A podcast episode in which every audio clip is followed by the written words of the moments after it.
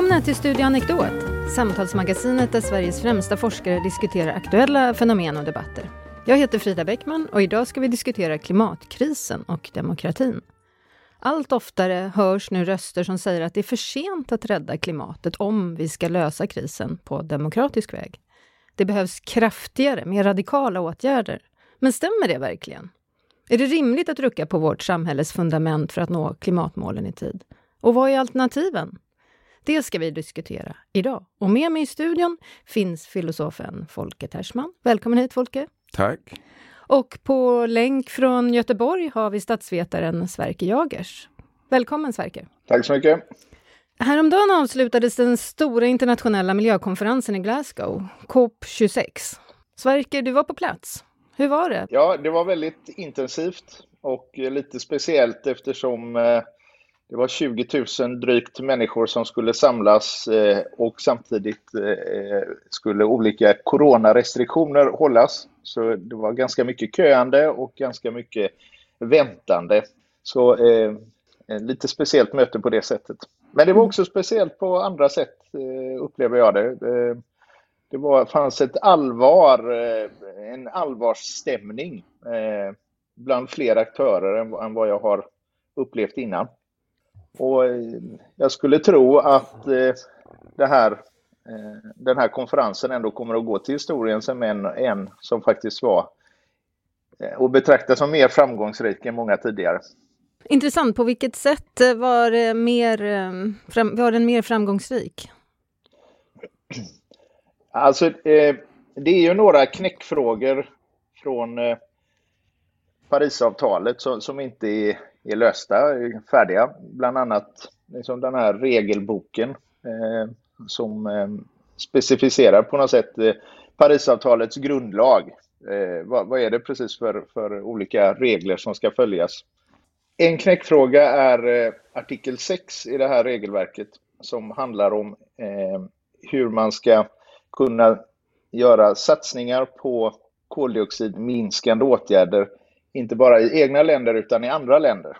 Här, här finns då en, en, uppenbar risk att det blir dubbelräkning. Att eh, till exempel Sverige planterar träd i Brasilien och eh, vill tillgodoräkna sig eh, de eh, utsläppsminskningar som den här trädplanteringen leder till. Och samtidigt sker det i Brasilien och då vill de också tillgodoräkna sig de här utsläppsminskningarna.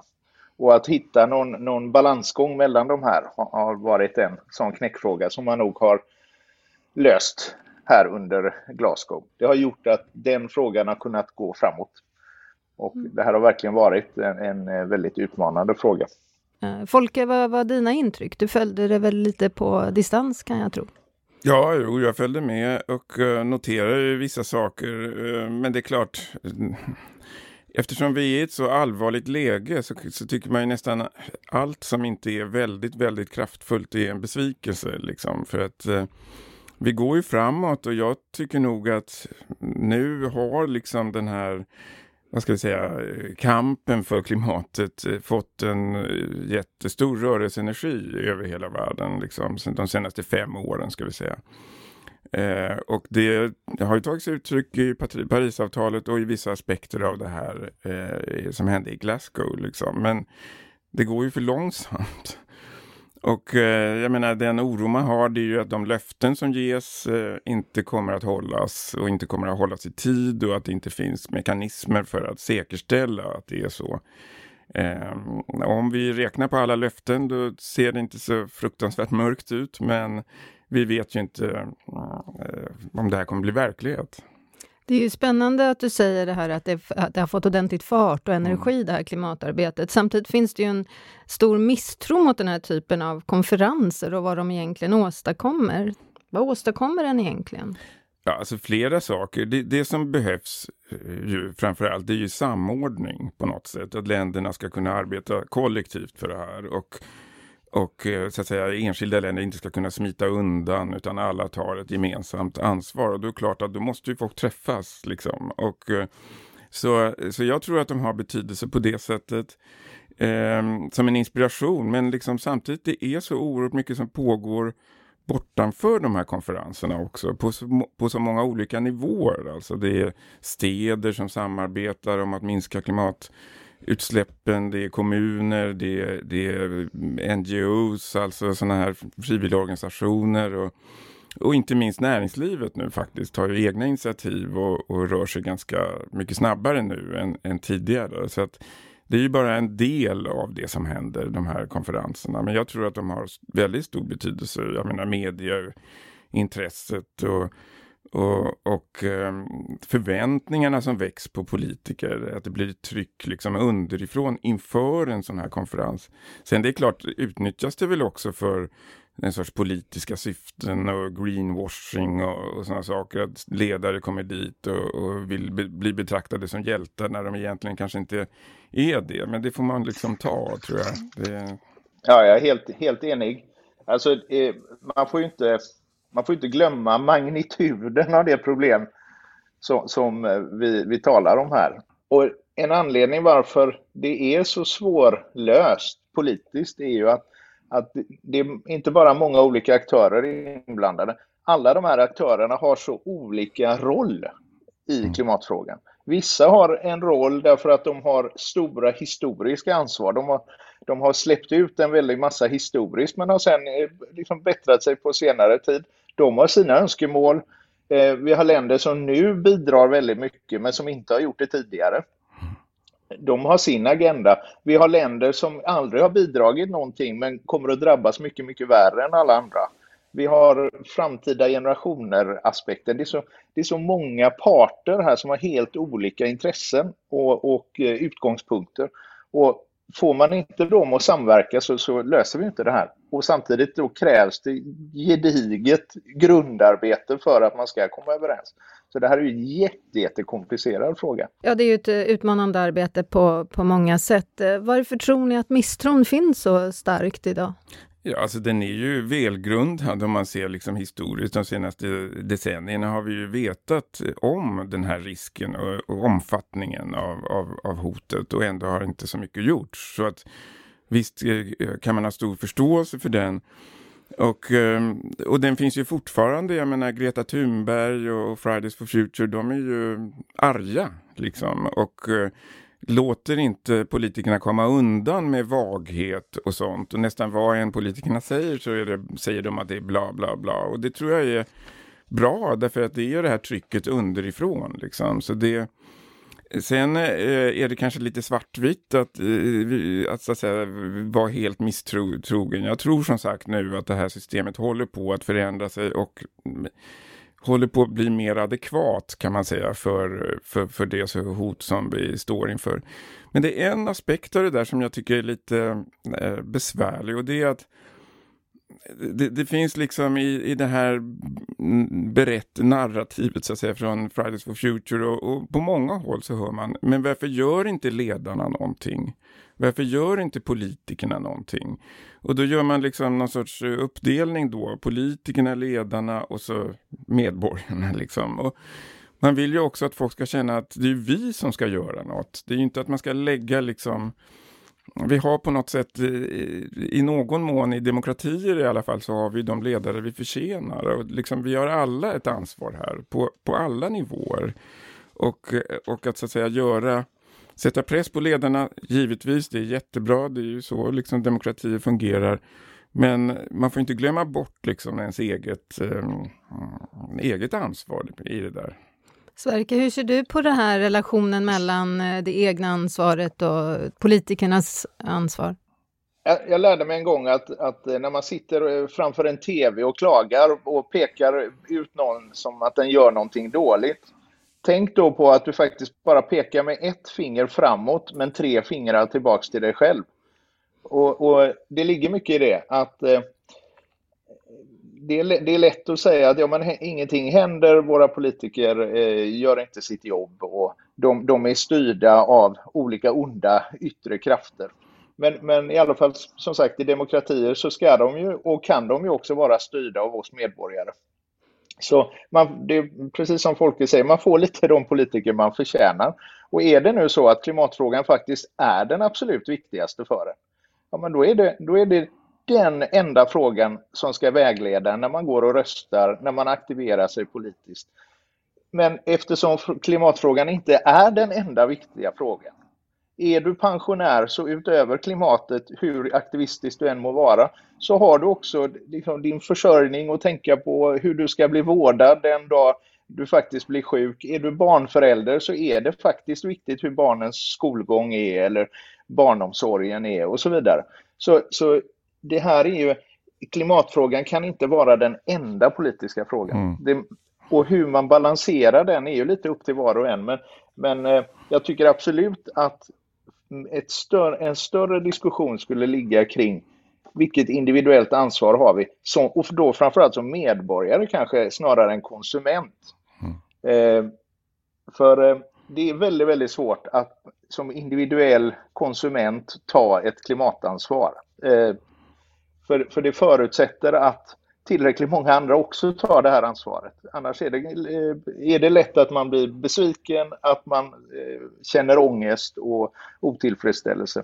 Ja, men det är väl men... så vi har fått, uh, fått reda på som individer att vi ska bidra, att vi ska handla second hand och flyga mindre och källsortera och så vidare. Att det är där ja. som... Hur ser ni på den relationen då mellan det här individuella ansvaret och vad är vi som individer ska fokusera på i det här arbetet? Ja, alltså, men, men jag håller med Sverker. Det, det är väldigt det blir ju alltid så i sådana här lägen att liksom individen ska ta sitt ansvar och i, i, i vårt samhälle till exempel då tänker man att det är just genom att köpa fair trade coffee eller eller liksom gå och sopsortera. Och, och, det är en väldig... Och så har man gjort det så tycker man att man liksom har rena händer på något sätt och, och, då har man gjort sin bit. Men det räcker ju inte utan det här är ju, och det sa ju Sverker tidigare också, det här måste ju lösas politiskt. Det är ju verkligen, vad ska jag säga, det primära exemplet på att vi måste gå, gå samman kollektivt för att eh, hitta lösningar. Och det, det, då är det eh, medborgerlig aktivism. Eh, det är en väldigt viktigt verktyg liksom, för att gå framåt. Eh, det finns ju allt fler röster i samhället som hävdar att vårt nuvarande demokratiska system är alldeles för långsamt för att kunna lösa klimatkrisen i tid. Eh, varifrån hör man de här åsikterna? Ja, alltså det, det, det, är, det är en poäng som man kan förstå. Eh, tanken är ungefär så här att eh, väljarna är ofta ganska kortsiktiga. De ser till sina liksom, snäva intressen, ekonomiska intressen.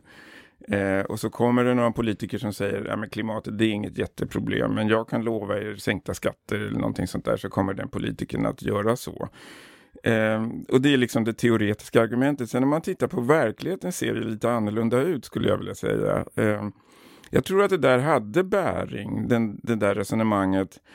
Eh, för lite, om man går lite tillbaks i tiden, så 2006-2007 då var eh, då var klimatfrågan väldigt högt på agendan. Det var den viktigaste frågan i många mätningar i många länder. Och, så, och då kände jag liksom en viss hopp faktiskt för att det var så stark, återigen en, en sorts rörelseenergi.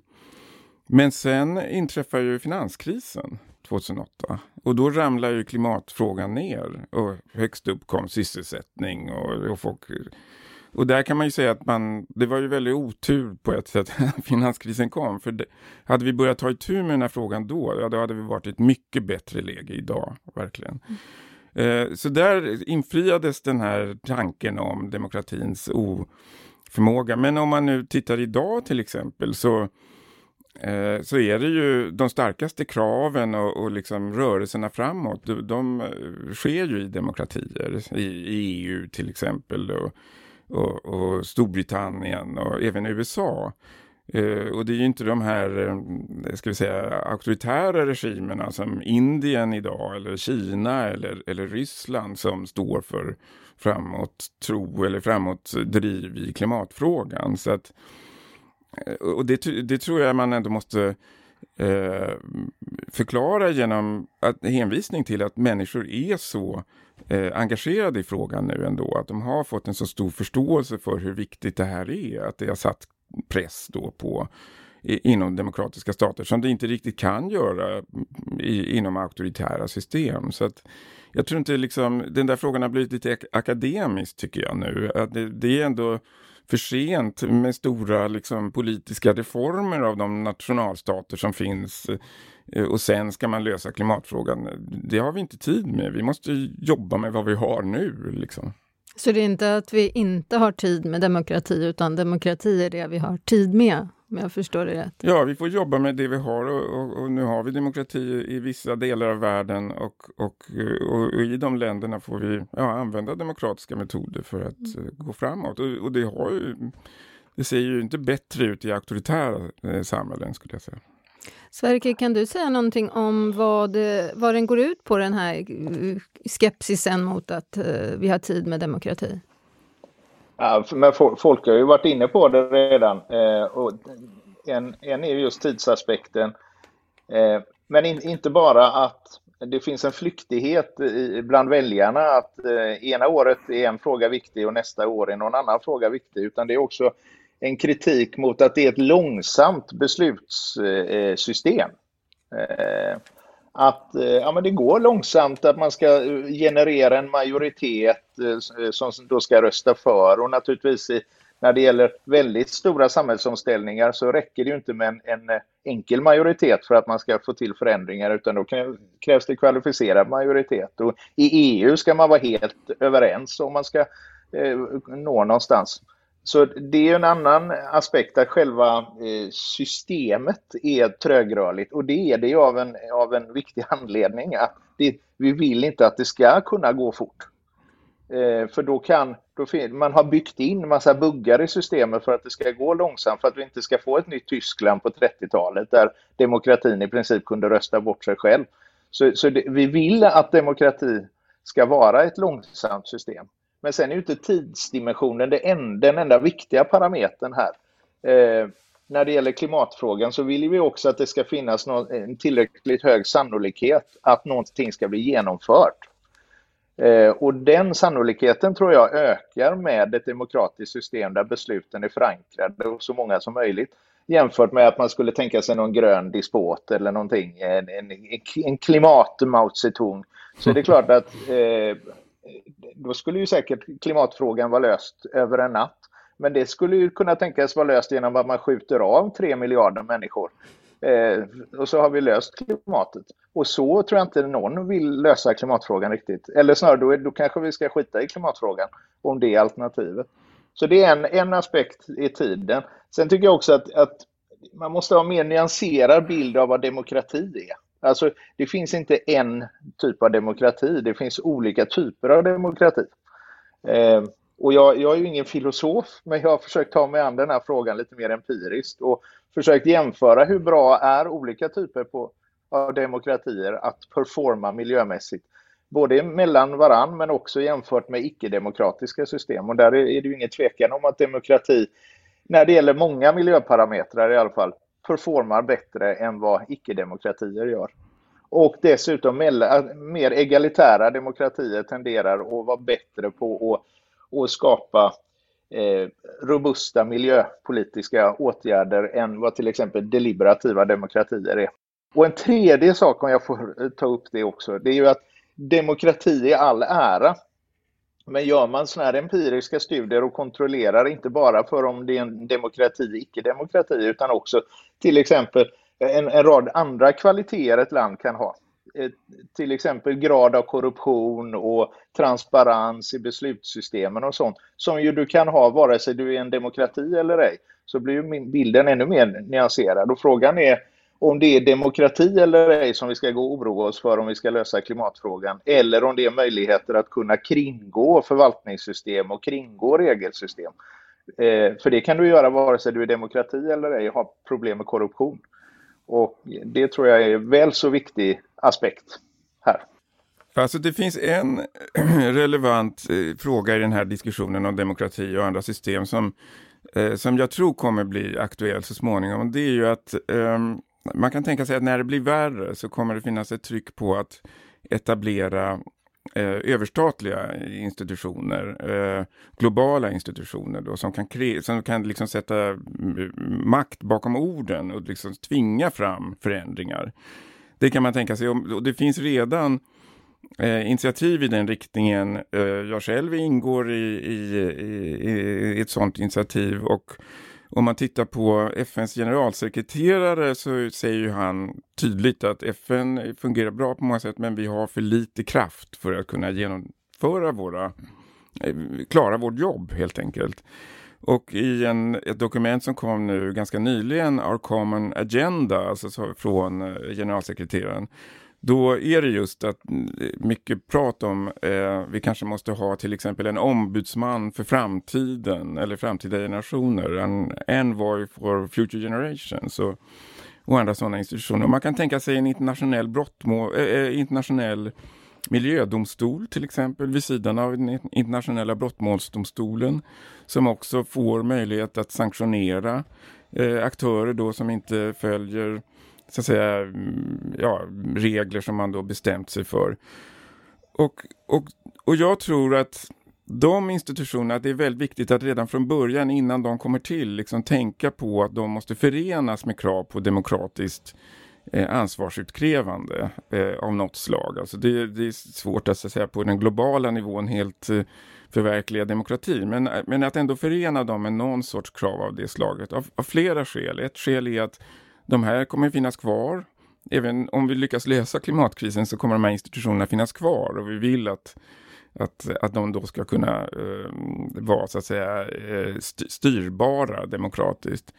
Och det andra, ett annat skäl är det som Sverker tog upp och det är ju att det räcker inte liksom med att fatta beslut eller säga saker. För att de besluten ska få verklig effekt så måste folk liksom eh, solidarisera sig med dem och hjälpa till och, och, och så vidare och därför måste de ha eh, legitimitet eh, de här institutionerna och, och det får de ju då genom, eh, ska vi säga att vi förenar dem med liksom krav på demokratiskt ansvarsutkrävande.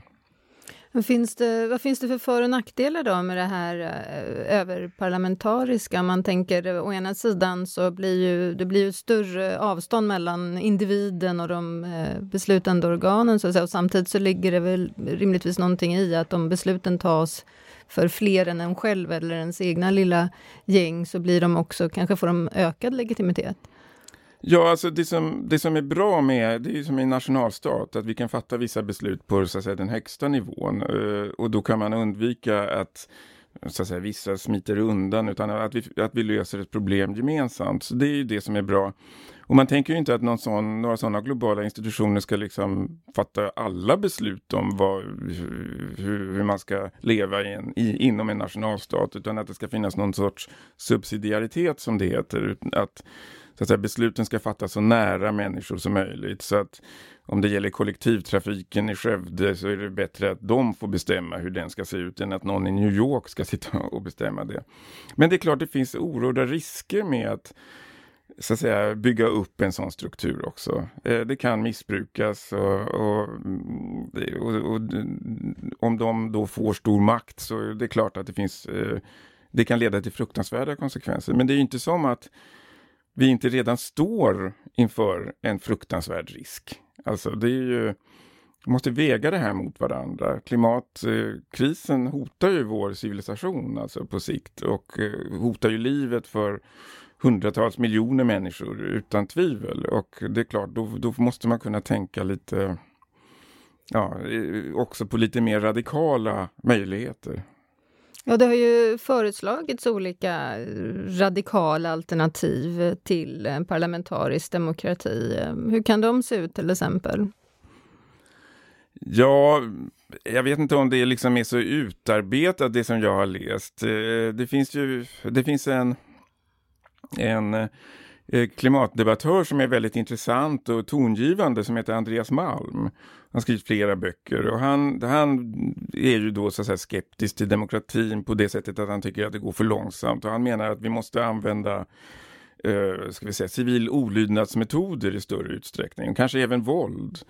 Men, men de metoderna tror jag ändå är inte tänkta att kasta eh, det demokratiska systemet över ända utan mer fungerar just som civil olydnad som en sorts katalysator inom ett demokratiskt system och så. Eh, så det är nog inte en riktigt stor utmaning egentligen. Något annat som man talat om det är att vi måste etablera något som man kallar krigskommunism och liksom göra om samhället till någon sorts planhushållning och eh, där vi ska framförallt fokusera på miljön och klimatet och så vidare. Alltså det, det, det är inte någonting jag tror på av, av många av de skäl som vi redan varit inne på. Men däremot är den här tanken om att det kan behövas väldigt radikala omställningar av ekonomin till exempel. Eh, intressant. Jag menar, titta på USA under andra världskriget exempelvis. Där man då gick från så att säga en, en vanlig ekonomi till en ekonomi som var helt och hållet eh, fokuserad på en, en enda uppgift, att vinna kriget. Jag menar, vi har sånt som Manhattanprojektet till exempel, som var en enorm resurskoncentration, liksom, som inte hade kunnat äga rum i normala tider. Eh, samtidigt, Eh, och det tycker jag väcker hopp, liksom, att, det, att, att det går att göra det här. Eh, samtidigt var ju det någonting som uppstod inom en eh, inte perfekt givetvis, men inom en demokrati. Liksom. Så det, den typen av radikala omställningar av ekonomin behöver inte förutsätta en auktoritärt system. Just det, då blir det många olika aktörer som är inblandade. Jag tänker Sverker, det här med näringslivets roll och sådär i, i, och, och i relation till ekonomin och demokratin. Vad ser du för utmaningar och möjligheter där? Ja, eh, utmaningarna är uppenbara. Mm. Att, eh, att eh, ändå näringslivet eh, finns och har sitt berättigande så länge det kan generera pengar till de som, som äger näringslivet. Eh, det är min så här, fyrkantiga, lite förenklade bild förvisso. Eh, men, men det är klart att om näringslivet plötsligt tror, ja, helt enkelt, jag tror inte att näringslivet Eh, hur, eh, särskilt mycket skulle vilja bidra till att rädda klimatet av mer moraliska skäl. Eh, de finns till av, av helt andra skäl än att upprätthålla moral och godhet i samhället. Eh, eh, med det sagt så tror jag samtidigt att näringslivet kan spela en oerhört stor roll och gör nog redan det. Eh, och, och, på flera olika sätt. En sak är ju att, att eh, med eh, COP-förhandlingarna, eh, diskussioner att man ska prissätta fossila bränslen och, och framförallt prissätta koldioxid och andra växthusgaser, eh, Eh, då, då sänder det en signal att hmm, kanske är fossila bränslen inte det bästa att investera i i framtiden. Och eh, eh Näringslivet består ju av flera olika typer av näringsidkare eh, allt från små producenter, familjeägda producenter till eh, näringsliv som ägnar sig åt att investera i annat näringsliv. Och just eh, på den här investeringssidan, bland investorer som man säger, så, så sker det väldigt mycket just nu. Och eh, det sänds ut mer och mer signaler, även från de riktigt stora drakarna, Blackrock och andra, att Eh, eh tydliga signaler att vi kommer inte att investera i företag som har den här typen av profil i, i sin produktion eller i sin portfölj eh, inom en viss eh, tidsperiod. Eh, det i sig har, har sänder signaler att kanske ska vi ställa om för att eh, vara fortsatt önskvärda och bli investerade i som företag. Men Eh, på COP-mötet så lanserade, det, det kommer ju alltid massa sådana här non-binding agreements som lanseras. Både mellan politiska parter men också i, i olika parallella bottom-up-processer eh, som sker under förhandlingarna. Och en väldigt, väldigt spännande sån tyckte jag var eh, vad hette det? Det hette The Glasgow Financial Alliance for Net Zero där eh, närmare 500 av de större investorerna i världen har gått samman eh, och sagt sig vilja investera i förnyelsebar energi. Och, och, här talar vi, länderna har svårt att komma överens om hur ska vi få ihop 100 miljarder dollar per år som ska användas för att investera i, i, i förnyelsebar energi, framförallt utvecklingsländer. Här, här talar man om summorna 130 triljoner US-dollar.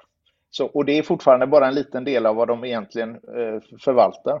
Men tittar man på vad de stora pensionsfondsförvaltarna eh, sitter med för kapital och om de skulle rikta bara så 1 av det till förnyelsebar energi så är ju det muskler som politiken inte ens är i närheten av. Och då kanske politiken snarare ska syssla med att försöka facilitera de här alternativa krafterna från näringslivet som nu eh, sänder ut signaler att de vill investera i förnyelsebar energi. Och att facilitera transitionen snarare än att eh, försöka styra fram på politisk väg en omställning av, av världens ekonomi och politik. Så jag tycker det, det är en lite spännande signal. Mm, det, det, är ju väldigt spännande det där med pensionsfonderna och ett sådant initiativ kommer faktiskt från Sverige. Eh, fjärde AP-fonden var tidig med att eh, ställa om sin investeringsstrategi eh, på ett sånt här sätt och har sen tillsammans med andra pensionsfonder i andra länder bildat liksom koalitioner av den här typen. Det är väldigt intressant. Sen när det gäller näringslivet, jag tror jag är lite mindre pessimistisk än Sverker. Han är ju från Göteborg, det kanske har med det att göra. Eh, vad gäller deras... Eh, Eh, jag, jag, tror inte heller att de att säga, handlar utifrån sin moraliska godhet, men jag tror att det finns ska vi säga, aspekter av näringslivskulturen eh, som kan vara till fördel här. Och det är att den är ganska lösnings och konkurrensinriktad. Så jag kommer ihåg jag höll ett, ett föredrag 2013 eh, i något sammanhang och då efter mig så kom en kvinna som var miljöansvarig på ICA eller någonting sånt och hon berättade om deras miljöarbete och hon sa att Ja, för två år sedan så bestämde vi att vi skulle skära ner klimatutsläppen med, för transporter med 30 procent fram till 2018 eller någonting sånt där. Och så sa hon, och det målet nådde vi förra året. Och det, jag tror att när man sätter igång sådana här processer i en organisation som vill liksom lösa problem, som vill effektivisera, som vill, och man kan så att säga meta det som händer på ett eh, tydligt sätt, liksom, då, då, då blir det liksom lite självgående eh, på ett sätt som jag tror kan vara eh, faktiskt ganska konstruktivt och fruktbart. Men det ni säger båda två låter ju ganska eh, optimistiskt då. Vi kan rädda klimatet med demokrati. Fast det går för långsamt, så vi, vi är inte out of the woods. Men du har, precis, du har ju sagt till folk att vi behöver mer snarare än mindre demokrati. Eh, har det att göra med de här överstatliga organen du pratade om tidigare, eller finns det ytterligare aspekter av det? Ja, alltså jag, jag hör ju till de som, som tror på demokratin här och, och, som sagt, och även på globala politiska institutioner, att det är nödvändigt för att åstadkomma den här samordningen. Liksom. Men jag tror att det är klart det uppstår sånt här demokratiskt underskott och, och, och, och, för att liksom motverka, eller för att ska säga, främja förtroendet för ett sånt system så tror jag även att demokratin kanske måste fördjupas inom eh, nationalstaterna. Att, att eh, att eh, man får hoppas på större engagemang och man kanske kan använda den demokratiska metoden på andra ställen än bara i politiken. I, i en bok som jag skrev nyligen så talade vi om arbetslivet. Eh, och vi har ju många exempel på det. Vi har kooperativt eh, eh, eh, eh företagande där människor, eh, de anställda eller ägarna, så, så, att säga de kooperativa ägarna då har demokratiskt inflytande. Vi har det kollegiala styret på universiteten, det är en sorts demokrati kan man säga. Och den, så att, säga, att, att vi håller de här eh, formerna för beslutsfattande vid liv tror jag är väldigt viktigt och stärker dem också för att ytterst är det en, en sorts grundläggande kulturell fråga som handlar om att ja, vi, vi står här inför ett stort problem. Det enda sättet som vi kan lösa det på är tillsammans. Liksom. Och, eh, så jag tror att, eh, så att säga, förstärkning av demokratin är en eh, viktig pusselbit i det här arbetet. Då kanske vi kommer tillbaka till det du sa tidigare, Sverker, det här om att eh, vi, eh, individer behöver se sig själva som medborgare eh, mer än bara konsumenter. Ehm, ja. Är det en del av den här mer snarare än mindre demokrati-tesen kanske? Ja, men eh, det, ja, det skulle jag säga.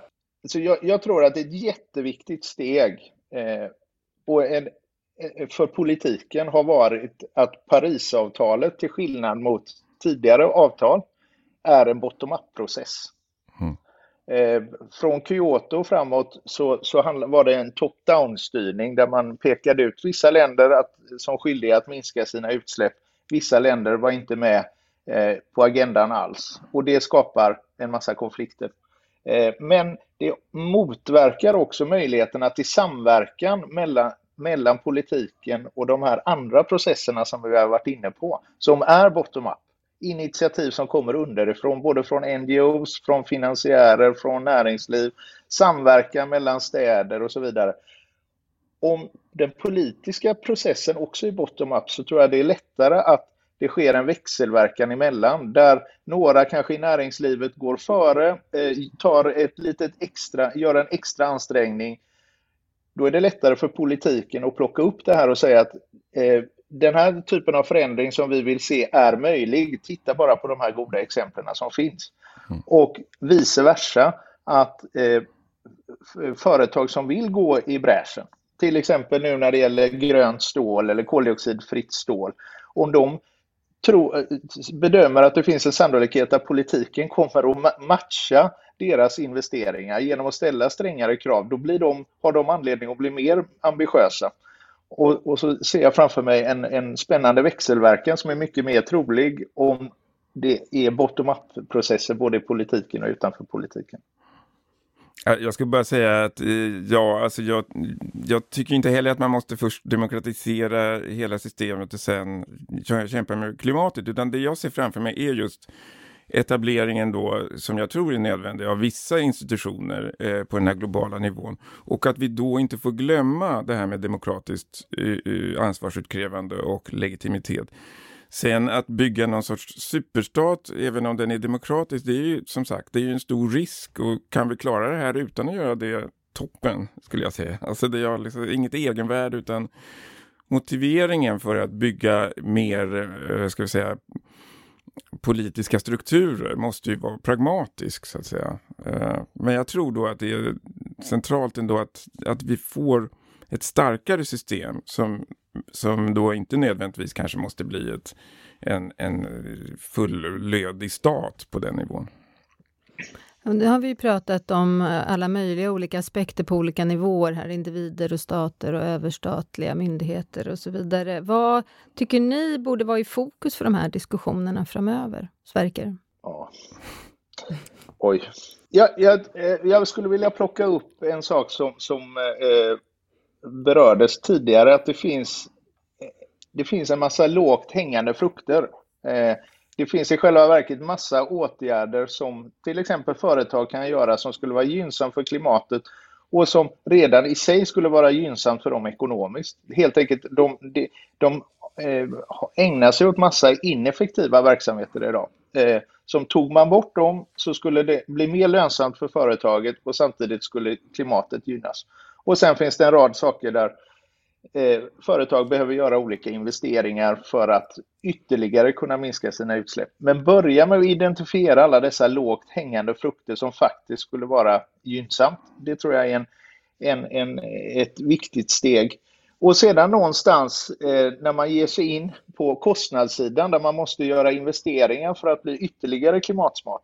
Där någonstans tror jag att det kommer att komma en brytpunkt där företagen själva inte kan väntas göra alla nödvändiga förändringar själv. Där det krävs hjälp från staten eh, i form av olika infrastruktursatsningar till exempel. Det är inte rimligt att, att bilindustrin kanske både ska tillhandahålla elbilar och samtidigt bygga ut hela elnätet för att, att försörja de här bilarna med, med elström så småningom.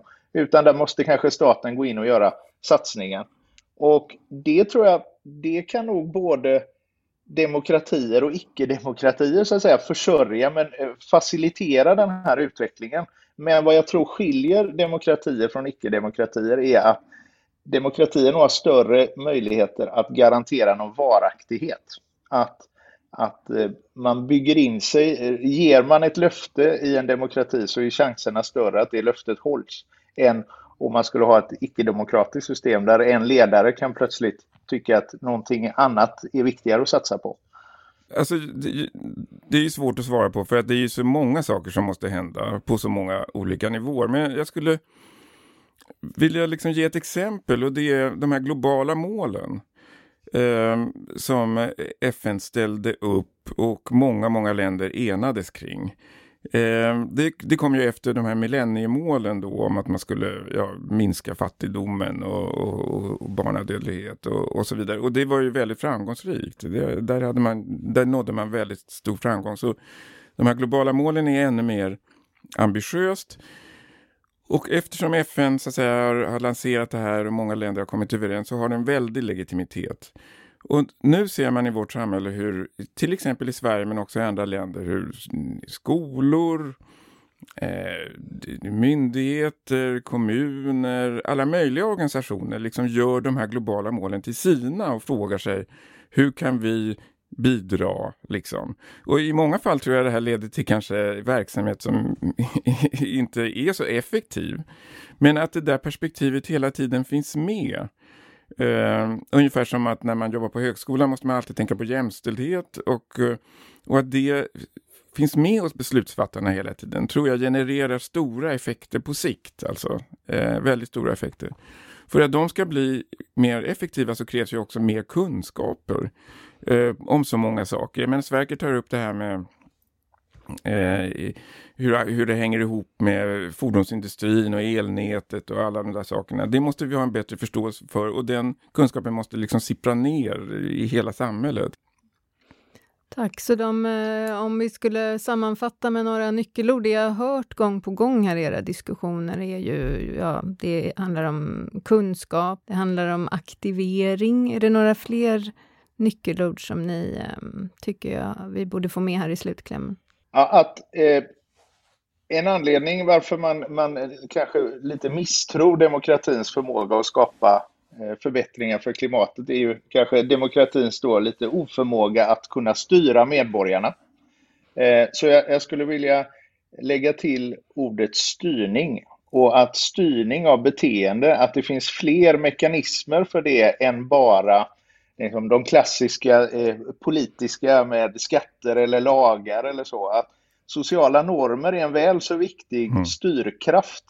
Och den, den, att skapa eller bidra till omformandet av våra sociala normer är och kan vara en väldigt, väldigt viktig uppgift för oss som medborgare också. Till exempel genom att stötta eh, eh organisationer som Fridays for Future. För de bidrar till att skapa nya sociala normer och de kan ibland få en mycket, mycket större effekt på beteendeförändring än vad lagar eller eh, miljöstyrmedel kan få och ha. Så jag skulle vilja att styrning, ha ett bredare perspektiv på styrning är en viktig dimension här. Strålande. Tack så hemskt mycket båda två för att ni var här och diskuterade med mig idag.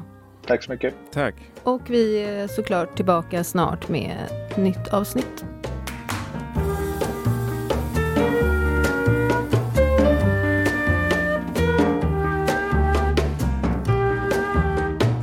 Du har lyssnat på Studio Anekdot.